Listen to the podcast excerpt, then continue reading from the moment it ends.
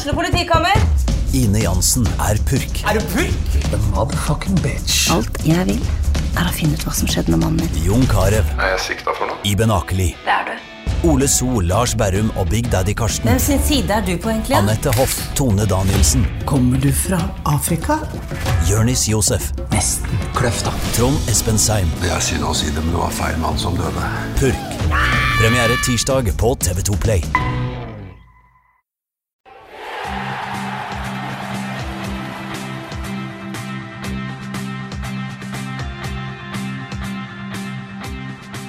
Fotballpodden. Da har vi gleden av å ønske velkommen til en ny runde med Tønsbergs Blads fotballpodkast. Først skal vi over til Jakob Tandberg, som har Benjamin Hellum Andersen på tråden i forbindelse med cupkampen mellom eh, FK Eik og Sandefjord. Benjamin, eh, torsdag 24. mai møter dere Sandefjord Fotball. Det er din gamle klubb. Hva, hvordan blir det å møte gamle lagkamerater igjen? Eh, nei, det tror jeg kommer til å bli eh, gøy. Det er alltid noe ekstra å møte eh, folk man kjenner. Mm. Eh, så helt siden eh, vi fikk vite at vi møtte dem i cupen, så eh, er det en kamp jeg har gleda meg veldig til. Så nei, jeg gleder meg veldig til kampen, og jeg tror det kommer til å bli bra. Det skjønner jeg veldig godt. Hva er ditt beste minne fra tiden i SF? Nei, det kan være vanskelig å velge, men eh, det må kanskje bli eliteseriedebuten min, da. Mm. Som, eh, som er et eh, minne jeg er veldig stolt av, som jeg kommer til å ta med meg videre resten av livet. Uansett hvordan, hvordan det går med fotballen. Ja, Det skjønner jeg veldig godt. Du kjenner jo mange på laget fra Sandefjord. Er det noen spillere på laget på SF som man bør se ekstra opp for før kampen? Nei, Sandefjord er et uh, bra lag med mye gode spillere. De har kanskje spesielt en del uh, gode kantspillere uh, som er gode én mot én. Mm. I Josef Scheib, Franklin, Daddy's Boy. Danilo, han nye Danilo er også en veldig god spiller. Mm. De er noen av de spillerne som blir viktig å stoppe hvis vi skal klare å slå dem. Ja, absolutt. Hva tror du stillinga blir i kampen? Eh, nei, jeg tror det kommer til å bli en eh, underholdende kamp. Og jeg har eh, troa på at vi kan klare å vinne hvis vi er gode og hvis vi har litt flaks. Mm. Så jeg tror Nei, jeg velger å si 2-1, kanskje. At Ja. vi vinner med ett mål. Det høres veldig bra ut. Til slutt, hvor havner dere i FK Eik Tønsberg på tabellen i år? Nei, det må jo bli førsteplass. Vi har jo ett mål denne sesongen, og det er å rykke opp. Ja. Og det tror jeg vi har eh, gode forutsetninger til å klare også. Det høres veldig bra ut. Tusen hjertelig takk, Benjamin, for at du stilte opp. Jo, det er gøy å få være med. Og så er vi tilbake i studio, og da har vi selveste Sandefjord-kaptein Sander Moen Foss i studio. Velkommen. Takk skal du ha. takk skal du ha. Og Arne Lysne, du er på plass Jepp, takk, takk. i linskjorte. Moteriktig, har jeg hørt. Ja, veldig bra. Du lærer, du lærer. Ja, Sander, for et eh, comeback du har hatt nå i det siste. Det ble baklengs på overtid i helga mot Viking, men bortsett fra det så har dere nesten holdt smultringen hele veien. Er det deilig å være tilbake på banen? Det er ekstremt deilig. Eh, noe jeg venta på lenge. Og det å ordentlig være i gang igjen, det, det kjennes bra. Hva er hemmeligheten bak det gode forsvarsspillet? Mye trening. Mye trening? Eh, mye trening. Det er, eh, det er ikke noe hemmelighet at vi rakk som en sil i fjor. eh, og vi har måttet trene, og det har vi virkelig gjort da. Så det har blitt bedre. Hvilke grep tar man for å stramme igjen en eh, forsvarsfirer? Nei, eh, som oftest så pleier folk bare å se på fireren. Men vi er jo et helt lag, så det, i fjor var det mer en kollektiv svikt. At når spissene våre ble spilt ut, så ble midtbanen spilt ut. Og da ble vi satt i en dårlig posisjon bak. Så det har vel egentlig vært mer det å bygge et fundament fra topp til bånn. Vi Eh, snakker klassisk avstander, avstander, avstander. Det er helt riktig. Det er helt riktig. Ja, veldig bra, men litt sånn når man spiller på Lerkendal og leder 1-0 og slipper inn i 93. minutt, hvor forbanna blir man da? Eh, Du blir veldig forbanna. Eh, Det var eh, Selvfølgelig, vi spiller ikke vår beste kamp, men det er alltid spesielt å spille på Lerkendal. Eh, De er i en litt pressa situasjon, så det var litt annen setting for oss. Eh, Men vi ja, spilte vårt spill eh, delvis, og så har vi den ledelsen så lenge. Så når det da ryker, er jo ja, det er som å tape. Og så følger dere opp noen uker etterpå på å nekte Brann å score i Bergen. Det er ikke dårlig. Det er ikke dårlig. Eh, det skal jo sies at vi hadde jo ikke ball. Og jeg er glad i Forsvaret, men 90 min uten ball, det ble litt vel mye, altså. Ja, men det er jo deiligere å ta poeng i Bergen. Bergenserne mener jo at de, de er nesten som Barcelona, et eget folkeslag. Så det er en ekstra bonus, det. Jeg er halvt bergenser, så det, derfor sender jeg til det. Jeg visste, jeg visste det måtte være noe med det. Ja, ja, ja. Måtte, måtte flette inn den. Men dra oss litt sånn gjennom comebacket, situasjonen, andre serierunde. Var det da skaden oppsto i fjor? Det stemmer. 10. april. 10. april. Du husker den datoen? Jeg husker datoen veldig godt. Når, man forstår at det er en alvorlig skade, hva går gjennom hodet ditt da? Uh, først så ble jeg jo utrolig lei meg. Uh, det var, uh, som jeg har sagt tidligere, det var et år hvor, hvor jeg skulle virkelig opp og fram. så når jeg gikk opp på kontoret til Fyse der, og han sa liksom at Sorry, Asper, nå er du ute resten av sesongen. Så var jo det det var tungt å høre, og jeg tror, egentlig, jeg tror det tok litt tid før jeg liksom forsto omfanget av hele situasjonen. For Jeg var og snakka med deg eh, nede på Heimdal et par uker etter du hadde operert, mm. og da var du ganske optimistisk. Da tror jeg du så for at dette her, det er, dette her skal jeg klare å takle, og jeg, du hadde liksom en plan i huet. Mm. Men det ble ikke så lett? Nei, øh, overhodet ikke. Det var jo du møtte meg jo på kanskje noe av det beste i rehab. Eh, da hadde jeg liksom akkurat operert.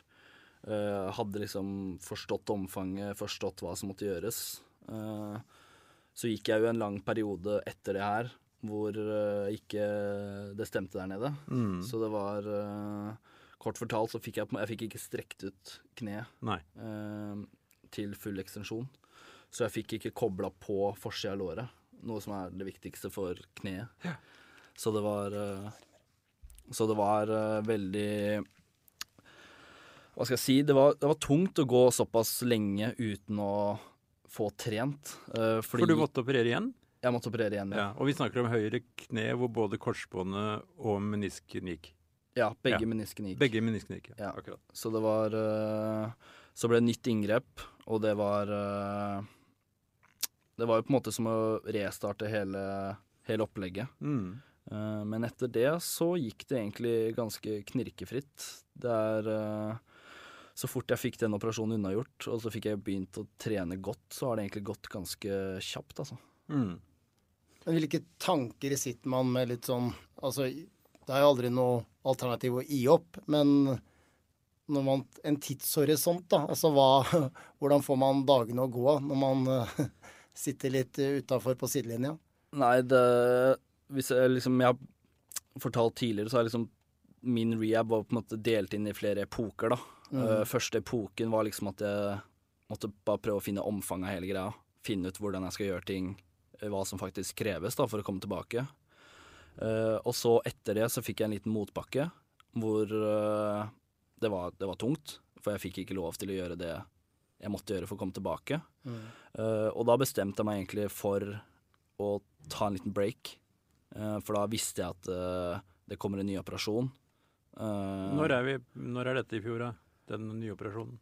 Det her er jo rett før sommer. Ja, akkurat. ja. ja. Mm. Så da fikk jeg på en måte beskjed om at ok, her må vi mest sannsynlig tok nytt MR. Fikk beskjed om at her må vi inn og operere på nytt. Så da tok jeg egentlig en liten break fra hele rehab-situasjonen. Og endte opp med å ja, gjøre ting da som ikke vanligvis jeg kan gjøre. Dro på flere turer, og sånt noe. Som... Det var ikke Ringsaustranda hele sommeren? Det var ikke det, men det var fader ikke langt unna heller. Hvor gikk turen, da? Nei, Jeg var først i Kypros med eh, Jesper på laget. Ja. Ayanapa? Uh, ja. er det noen av tatoveringene derfra, eller? Det er ikke derfra, der. Og så etter det så dro vi til Spania med et par kompiser fra Barkåker. Og så var jeg i Edinburgh og besøkte en kompis som studerer der, så jeg var, uh, var på farta. Ja, men Da har du fått sett litt av verden, da? Ja, det var fint, det. Ja, Herlig. Herlig. Men um, Fortell litt om de andre du har i forsvarsrekka di. Du har eh, samboeren din eh, Jakob, og så har du Vetle og Philip. Han ene fra Flint, han andre fra Nanset opprinnelig. Vetle, stemmer ikke det? Stemmer. De er jo unge, begge bekkene. Ja. Fortell litt om dynamikken dere fire imellom. Øh, nei. Uh, det er jo klart at uh, Philip og Vetle er unge. De har ikke spilt så mye på det nivået her før. Så det er på en måte det å Hva skal man si? Jeg er jo bare 24 år, men man går jo på en måte inn i en liten farsrolle Ja. for å veilede og sånt noe. Og jeg merker jo det selv, eller husker det selv når jeg var ung og spilte på A-lag, at det var Det er ikke alltid lett å stå opp mot de som er eldre. Så har jeg rett og slett sagt til de at eh, jeg stiller disse krava til dere, og jeg håper virkelig at dere stiller de samme krava til meg.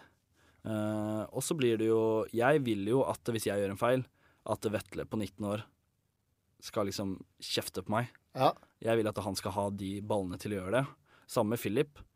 Uh, så det er jo å prøve på en måte mitt beste å gi dem trygghet da, og selvtillit til å prestere, for det vet vi at de kan.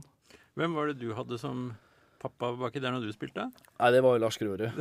Vi kjørte jo sammen hver eneste dag. Eh, så jeg tror Lars har hjulpet meg mye med La oss si den rollen der, da. Ved å hjelpe litt yngre og sånt noe. Eh, så hva skal jeg si? Jeg prøver å, prøver å gjøre med de som Lars gjorde med meg. Mm. Det er jo veldig gøy når du har to bekker under 20 år. For altså Det er jo som å Oftere syns jeg at det er noen raske kanter som er dribleglade, men her er liksom eh, Og det er jo Du møter jo kanskje ofte de beste spillerne i Eliteserien eh, mann-mann som, eh, som back. Så ja. Nei, men det, Nei, det er veldig gøy å se på de gutta. De har virkelig null respekt altså, for uh, de eldre, litt mer etablerte, kjente fjesa i Eliteserien. Uh, og all honnør til de. De, de klepper dem ned hvis de må. Men bekker er én ting. Midtstopperparet er jo også samboerpar, har jeg skjønt. Ja, det Dette er må, dette må du forklare. Ja, det var uh, Jesper kom jo til oss, flytta til Tønsberg. Uh, og så har vi jo blitt ekstremt gode kompiser. Ikke bare lagkamerater, men kompiser. Og så var det vel egentlig bare en tanke om at uh, han kunne spare penger, og jeg kunne få litt ekstra gryn. Så det var Da slo vi to fluer i ett smekk, og så flytta han inn på rommet ved siden av. Så det det funker bra enn så lenge. Men altså, i en sånn uh, eliteserie midtstopperhybel er det en stor, stor flatskjerm og en PlayStation og Grandiosa-esker, eller er det Nei. pasta og noe Ja. annet? Det er mye pasta, mye ris, mye kylling. og så er det jo selvfølgelig mye fotballtitting. Eh, men så tror jeg begge vi to er veldig sånn at uh, vi kan få litt nok av fotball også. Eh, så vi sitter ikke fire timer foran TV og ser fotball. Prøver å tenke på litt andre ting, og så Men hva ser dere på da? Er det dokumentarer, eller er det krimserier, eller hva Nei, går vi, det i? hva skal jeg si, vi ser på veldig mye rart. Uh, vi har sett på nå i det siste er det noe som heter Reacher, som vi har sett på. Det er noe actiongreier, tror jeg. Og så- Amerikansk drapsmaskin. Ja, det, ja enkelt forklart. uh, men så har vi også sett på noe sånn reality Milf Manor eller noe sånt, noe, hvor det er noen damer som skal sjekke opp uh, Unge menn? Uh, unge menn, ja. Så det Kunne er- vært dere, det. Vi kunne ha meldt oss på, ja. Så det er fint. Men, når flytta Jesper inn hos dere? Jesper flytta inn etter treningsleiren vi hadde til Marbella, så det var jo i slutten av februar, da. Flytta han inn.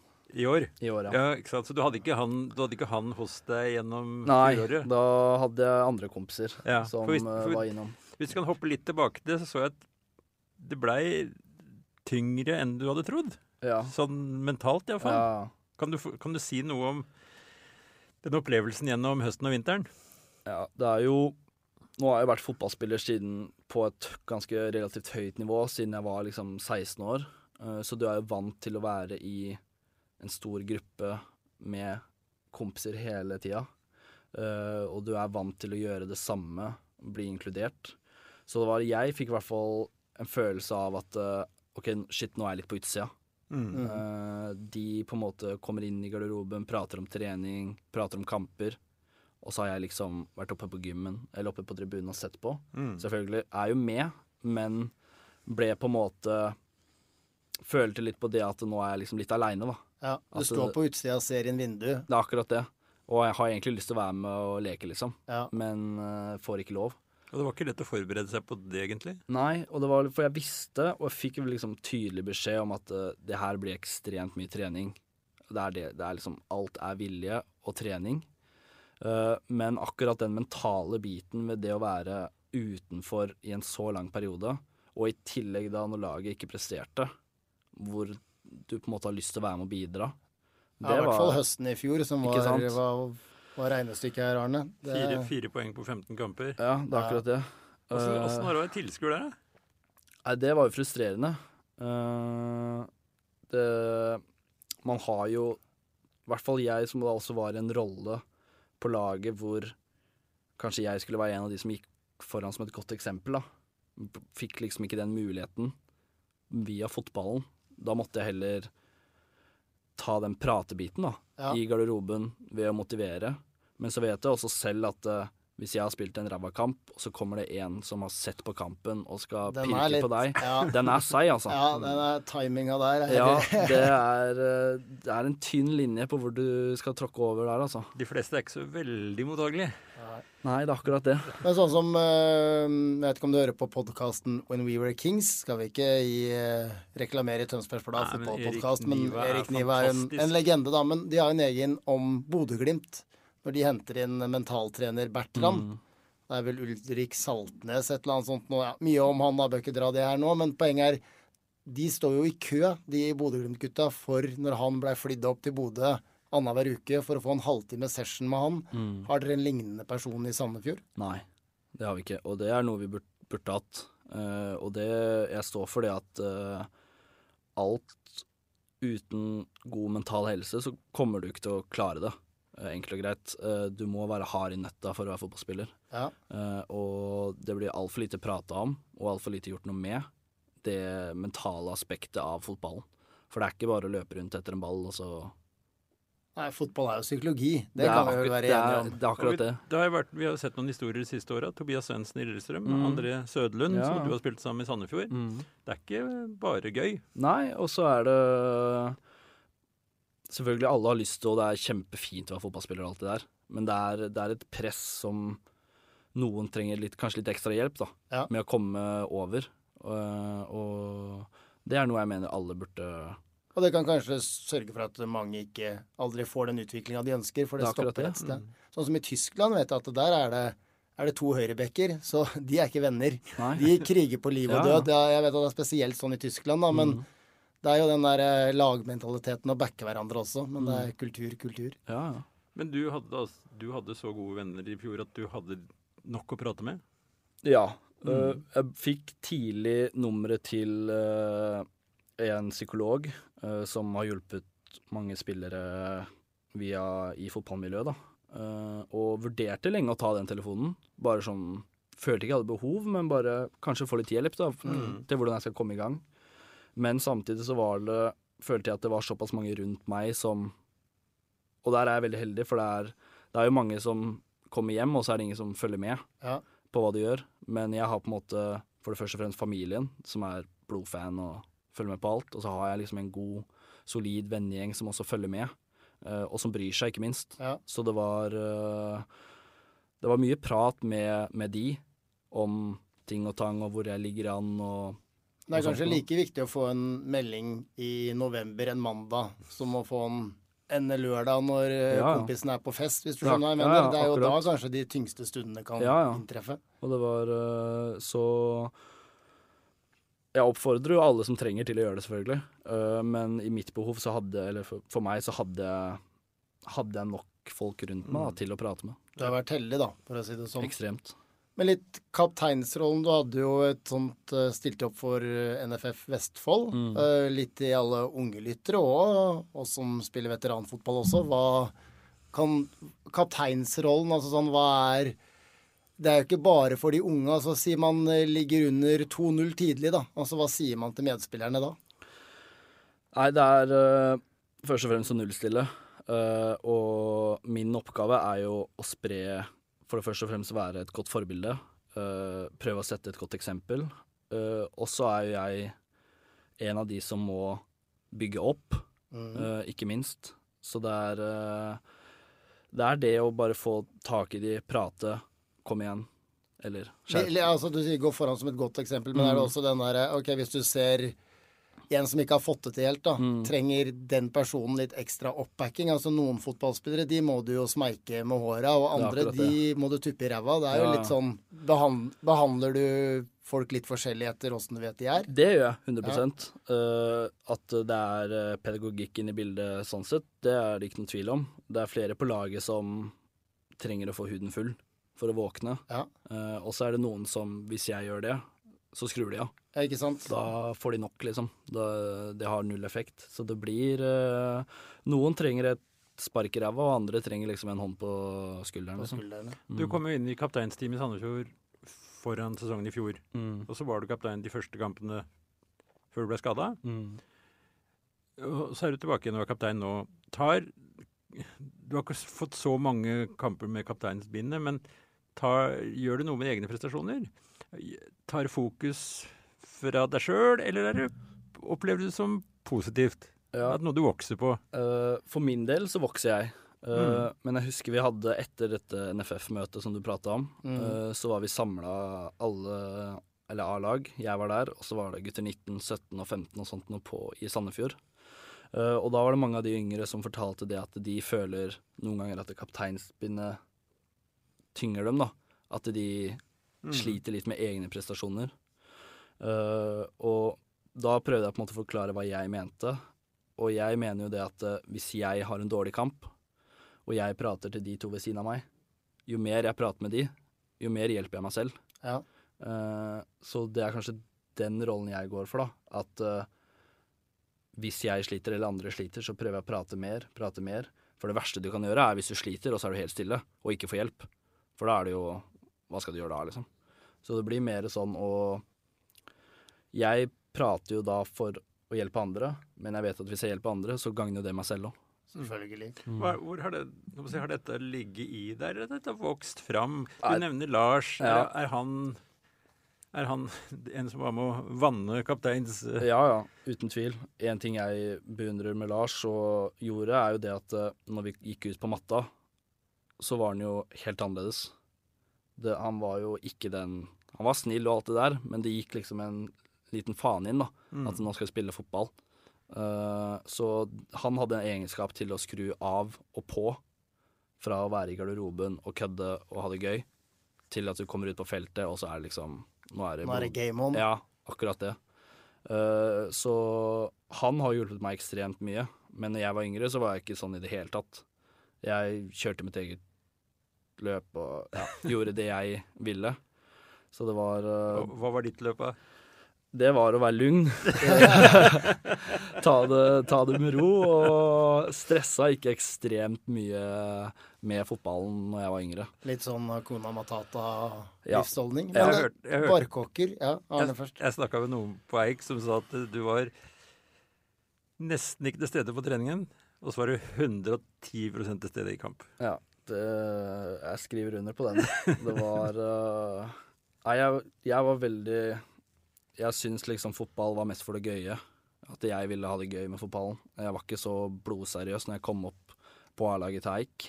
Eh, men så er det liksom det når du først spiller kamp, da, så har du lyst til å vise deg fram. Og du har lyst til å vinne. Så det, det er nok riktig det, at det på- skjedde et eller annet. På kampdagen får du en egen Altså, du får jo ikke Det er jo en egen følelse på kampdagen, men altså går du liksom inn i din egen lille boble for å prestere, eller ligger den der at eh, den bare kommer automatisk? For meg så kommer den nok mer automatisk. Eh, jeg tipper jeg oppfører meg helt likt sånn på morgenen om jeg skal trene eller spille kamp. Eh, og så har vi da mat og video og alt det der. Og så når vi da kommer opp på stadion, så er det på en måte OK, da skrur vi på. Nå, det, nå, det, nå skjer det noe. Eh, og da Fra da til oppvarming så er det jo to vidt forskjellige tilstander. Da. Hva er den tøffeste bortebanen i Eliteserien? Nei, jeg har jo Lerkendal er jo en tøff eh, bortebane. Uh, og så Brann har vi vært unnagjort nå, så den er også tøff. Men uh, jeg må jo si sånn som Aspmyra. Uh, Bodø i den, den, formen de har vært de siste åra, har vært ekstremt tøff. Eh, nå har jo vi for så vidt spilt veldig bra mot Bodø. De passer oss veldig bra. Men det å komme opp der, og det er kaldt, og det blåser og Ja, det er en seig bane, altså. Så bor du her nede på solkysten. Det er akkurat det. det, er akkurat det. Du er født på Barkåker? Stemmer. Ja, og begynte å spille der. Ja. Og så ser jeg i oversikten din før du kommer til Leik, så er du i Stokke. Mm. Det må du forklare. Den turen der. Ja, vi var jo Vi var på Barkåker. 98-kullet vårt var egentlig veldig bra. Uh, men så er det jo det er ikke det største stedet i Vestfold, liksom. Så vi måtte jo ha folk fra yngre generasjoner. uh, og kull, da. Så det var jo 99 og 00 som ble med oss. Uh, dessverre så var ikke de like fysende på på å spille som oss. Nei. Så det var, vi ble rett og slett for få når vi skulle bytte til elver. Eh, Så vi spilte faktisk ett år sjuer mer enn normalt. Ja. Uh, og det var jo Ja, det gikk jo ikke. Uh, og så er det jo vanlig turen for Barkåker pleier å være eik, da. Mm. Og det har det alltid vært. De, de som var ett og to år eldre enn oss, gjorde jo det. Så det ville jo vært naturlig at vi dro dit. Men 98-årgangen i Eik var ikke like bra som de eldre. Så, og 98-årgangen i Stokke var ekstremt god. Hvilke fotballnavn har vi da, som er 98-årige-modeller? Vi har jo Sabawan, som var i Sandefjord. Ja. Ja. Han var jo et ekstremt talent, eh, så han var der. Og så har du Kasper Markussen var også innom FK Tønsberg. Mm. Henrik Gravdal var innom FK Tønsberg. Og så har vi ja, et par andre Ja, som var men det er eh, kjente, gode navn, det. altså. Ja, så det var eh, Så vi fikk Når de hadde liksom fem-seks, og vi kom med fire-fem, så fikk vi et ekstremt bra 98-lag. eh, og det var jækla gøy. Mm. Men um, Sander, dra oss litt gjennom en fotballuke for en eliteseriespiller. Hvordan ser du bøkket da? hver eneste dag, da, men du sa i stad video på kampdag og sånne ting. Det tipper jeg noe lytterne gjerne vil uh, vite litt mer om. Ja, vi har uh, først og fremst lite fri. Eh, så det er eh, Vi har fri dagen etter kamp. Ja. Eh, og så kommer vi inn dagen etter, og da er det videoanalyse av kampen som var. Uh, og så lett trening, restitusjon. Men, men videoanalysen, er den generell for hele gruppa, eller er på en måte forsvarsleddet analyserer man enda dypere, eller hvordan fungerer det? Ja, vi har, vi har delt opp i forsvar bra og dårlig, Mm. og så offensivt bra og dårlig. Og dette er da på et helt basis med hele laget. Eh, og så har vi individual, altså at vi prater individuelt med trenerne, hvor de har egen analyse på vår prestasjon. Ja. Eh, og alt dette skjer da to dager etter kamp. Hvor mye hjelper en videoanalyse på å forbre- forbedre altså, seg som spiller? Ja, det er, jeg, jeg tipper det er veldig eller kommer an på spiller til spiller. Ja. Eh, jeg vet at det er mange som ikke liker det i det hele tatt. At hvis de har spilt en dårlig kamp, så veit de liksom det sjøl. Ja. Trenger ikke, ikke å bli påminnet på det. Men for min del så hjelper det ekstremt, for da for det første vet, kan jeg se det på nytt. Hva jeg har gjort bra, hva jeg har gjort dårlig. Og så ja, hjelper det da med å finne ut spillestil og terpe det enda mer. Hva trenerne vil ha av deg. Mm. Og det er jo da dag nummer to, og så har vi egentlig trening hele veien fram til ny kamp. Men er, er noen av øktene hardere? ja, vi har øh, Det blir jo da pluss tre, som vi kaller det, da. Tre dager etter kamp. Øh, er tøft. Uh, også dagen etter det er ganske tøft. Og så nærmer vi oss Eller kommer vi på fredag, og da blir det mer øh, taktisk, fullt lag, 11 mot 11. Litt mer sånn spillestil, motstander og sånt noe. Uh, også dagen før kamp har vi ja, en easy trening, få bitte litt puls, og så bare for å få god følelse. ja. Når, når samles dere? Dere møtes i klokka ti eller noe sånt hver dag, eller? Ja, vi møtes øh, halv ti. Halv ti? Da har vi frokost. Ja. Så det får vi på stadion. Så der er vi heldige. Der er det heldig. Og så er, det- og så er det økt, og så er den, dere er ferdig til ett-to-tida. Ja, og så da går det litt tid da, mellom mal, eller frokost og trening. Mm. eh, og eventuelt video, som vi har tre ganger i uka. Eh, og så etter det så er det lunsj, hvor vi samles oppe. Mm. Og så er det takk for i dag. Hadde du sett for deg dette her som 16-17-åring i Eik? At du skulle, skulle være profesjonell fotballspiller Nei, og kaptein? overhodet ikke. Det, selvfølgelig, det er jo alltid noe man har hatt lyst til hele tida. Men ikke noe jeg hadde sett skulle komme, nå. Er, er det litt sånn Det er veldig mye ambisiøse tenåringer. Mm. Er greia å ta det litt lugnt? Ikke. Stresse så veldig, ikke være så veldig utålmodig? Ja, både òg. Det, det handler helt an, kommer helt an på typer. Jeg veit at eh, når jeg f.eks. søkte videregående, så søkte jeg Vang. Eh, og da mente jo treneren på Vang at jeg ikke var god nok. Uh, så- Hva, hva heter han? Eller? Nei, Har du snakket med ham senere? Jeg har snakka med de gutta her seinere. Det er flere. Det er flere, ja. Eh, for da kom jeg ikke inn på Vang. Jeg hadde ålreite karakterer, faktisk. Eh, men eh, nei, de mente jeg ikke var god nok. Og sånn sett i dag så tror jeg egentlig det var ganske fint for meg, for da begynte jeg på re. Eh, og det var ikke fotball hver eneste dag. Vi hadde fotball to, to dager i uka på skolen. Litt mer chill. Kanskje det var en mening med den veien, da. Det kan hende, ja. Ja, Men uh, Men iallfall passa deg. Ja, det passa veldig bra på meg. Mm. Uh, og så Men der og da så hadde jeg selvfølgelig lyst til å komme inn på Vang. Ja, nå, nå i dag tror jeg alle unge drømmer om å gå med den Vang-genseren. Ja. Sånn at ikke jeg driver reklame for Re eller andre steder, men det fins andre veier Ja, enn Vang. 100% 100% Så det har blitt et par eh, prater med de gutta der uh, senere. Ja. Det skal vi til bunns av når uh, kameraet skrusa eller mikken skrusa. Så skal vi name-droppe dere alle sammen. Veldig, veldig bra. Men eh, OK. Og så er det en cupkamp om uh, ikke altfor mange dager. Undervurderingsfella er jo det naturlige å spørre om. Hvordan unngår man den mot FK Eik? Nei, eh, hva skal jeg si. Vi, i hvert fall jeg, har jo ganske god kontroll på Eik. Ser stort sett alt. Uh, så jeg, jeg har gjort min oppgave ved å plante inn i huet på gutta at uh, det her er et bra lag. Uh, og det er veldig mange spillere på Eik som burde og kunne spille på et høyere nivå enn det de gjør i dag. Ja. Så vi, vi vet at vi møter jo ikke et typisk tredivisjonslag. Det her er spillere som har kvaliteter til å spille mye høyere. Uh, så jeg har i hvert fall gjort min jobb med å holde de sharpe, og at vi ikke undervurderer uh, Hvis dere ligger under 1-0 til pause, og uroen begynner å spre seg, så på et eller annet punkt får man jo litt panikk. Mm. Hva, hvordan håndterer man det? Jeg har vært med på veldig mye forskjellig der. Uh, jeg husker vi røyket av cupen mot Arendal. Ja. Da vil jeg si at det var panikk. Er det Roger Isholt som trener de, kanskje? Det kan godt Ja, hende. lurer på det. Eller Gam- Stein- Steinar Pedersen, kanskje, faktisk. Ja, ja, kanskje. Ja. Samme. Men da gikk vi inn hvor vi leda tidlig, og så fikk vi Jeg husker ikke jeg to eller tre i sekken. Og det ender i fullstendig panikk. Eh, løser det egentlig ålreit, kommer tilbake, og så, ja. Så jeg tror ikke panikk er uh, veien å gå, altså. Det Du har jo er, vært i, eh, Tøn du har jo vært i Tønsberg og vunnet et par cupkamper allerede. Ja.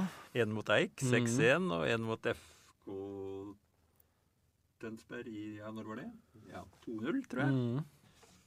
Så ja, vi Jeg har vært, uh, vært med å spille på gressbanen for Sandefjord før. Ja. Uh, Skårte faktisk første målet mitt for Sandefjord mot Eik i cupen. Akkurat. Eh, nei, så det Vi veit at uh, det kommer til å Forhåpentligvis kommer det mye folk. Uh, og det er Det er et godt lag, og ja, jeg vil si at uh, matte er jo ikke den beste heller. Nei, den kom i 2003 eller eller nei, det er ikke. Men den er over ti år gammel nå. Mm.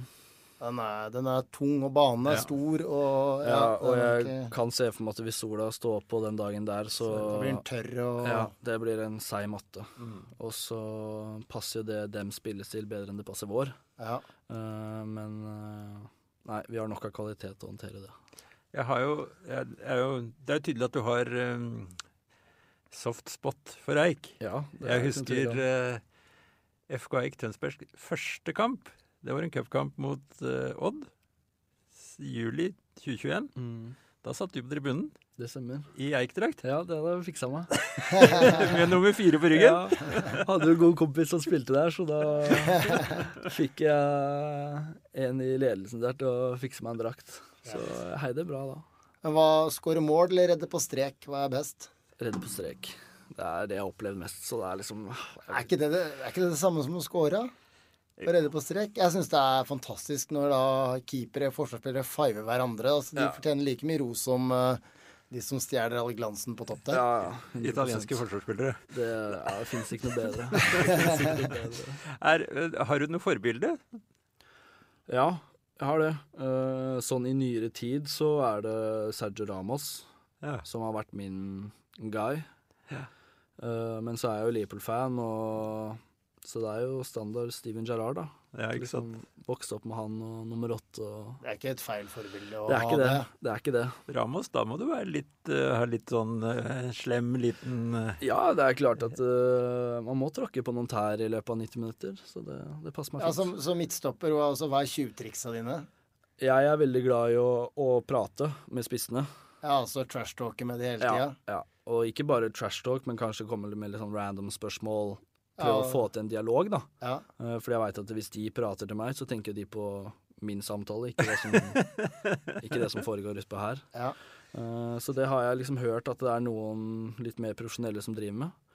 Så jeg har prøvd det samme, men jeg har fått dårlig respons så langt, altså. Har det, ja? Ja, det, Ingen du har klart å komme ordentlig Bård inn i Finne nekta å svare meg, så det funka dårlig der oppe. Du får prøve, du får prøve på bergensk når Ja, du kommer det, til Sandefjord. det er akkurat det. Se åssen det går. Nei, men jeg liker taktikken at du har Men er det ofte litt det få de ut av ubalanse litt tidlig med en liten Ja. dytt her Ja, og der og Det er, eh, hvis ballen er på motsatt side, og jeg liksom ligger rett ved siden av, så er det klart at eh, en liten dytt eller en liten napp i drakta bare for å få den litt irritert, det, det funker bra, altså. ja.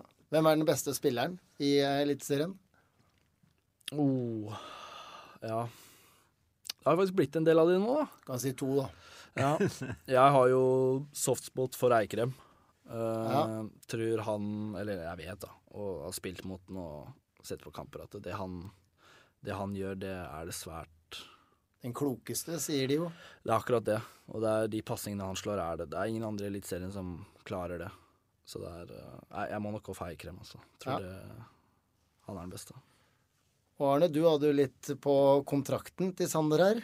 Ja, du er jo inne i siste året av en kontrakt som er fra 2021. Mm. Og det var jo året etter du slo igjennom. Mm. For det var vel 2020 som var den første sesongen din, liksom. Stemmer det?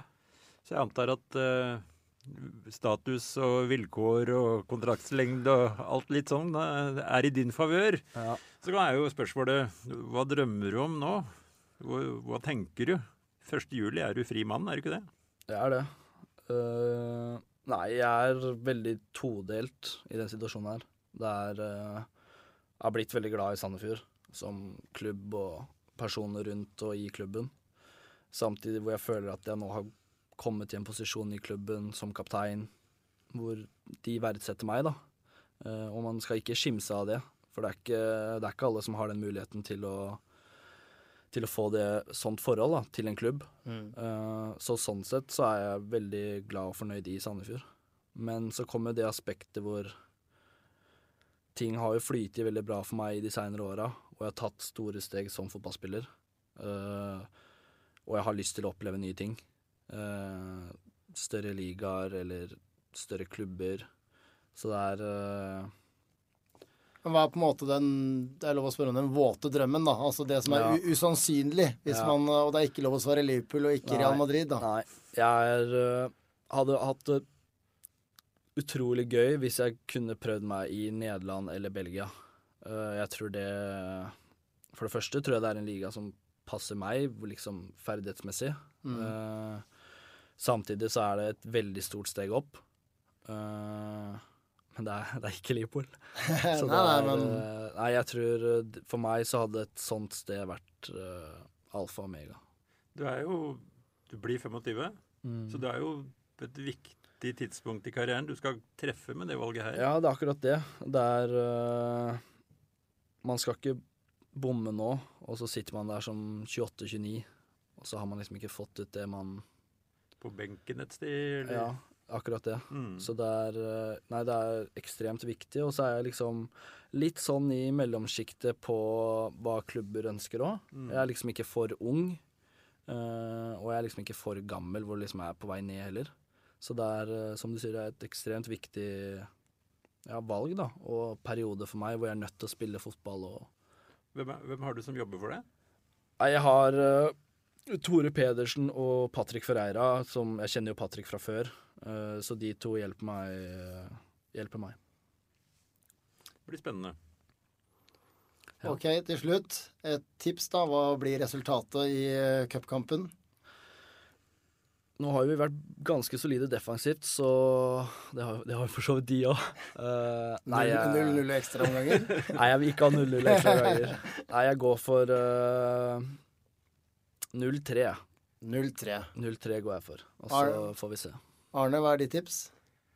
Eh, 1-2. 1-2. Jeg skal kommentere kampen, så jeg skal ikke tippe noe som helst. Men uansett, vi, vi gleder oss. Dette, dette var en veldig fin og drøy halvtime med masse herlig info til alle dere unge som eh, har hørt på, og dere som fortsatt er talentfulle. Her er det bare å fortsette å jobbe hardt på feltet. Er det noe du vil føye til til slutt, Sander?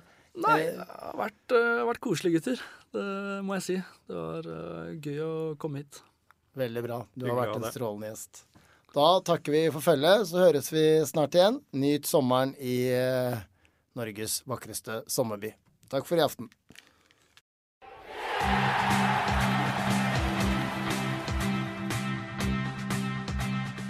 Du har hørt TB Fotball, en podkast fra Tønsbergs Blad. Husk at du kan bruke abonnementet ditt til å se hundrevis, ja tusenvis av fotballkamper. Denne podkasten er produsert av Marie Olaussen, og vår ansvarlige redaktør er Sigmund Kydland. Har du et enkeltpersonforetak eller en liten bedrift? Da er du sikkert lei av å høre meg snakke om hvor enkelt det er med kvitteringer og bilag i fiken, så vi eh, gir oss her, vi. Fordi vi liker enkelt. Fiken superenkelt regnskap.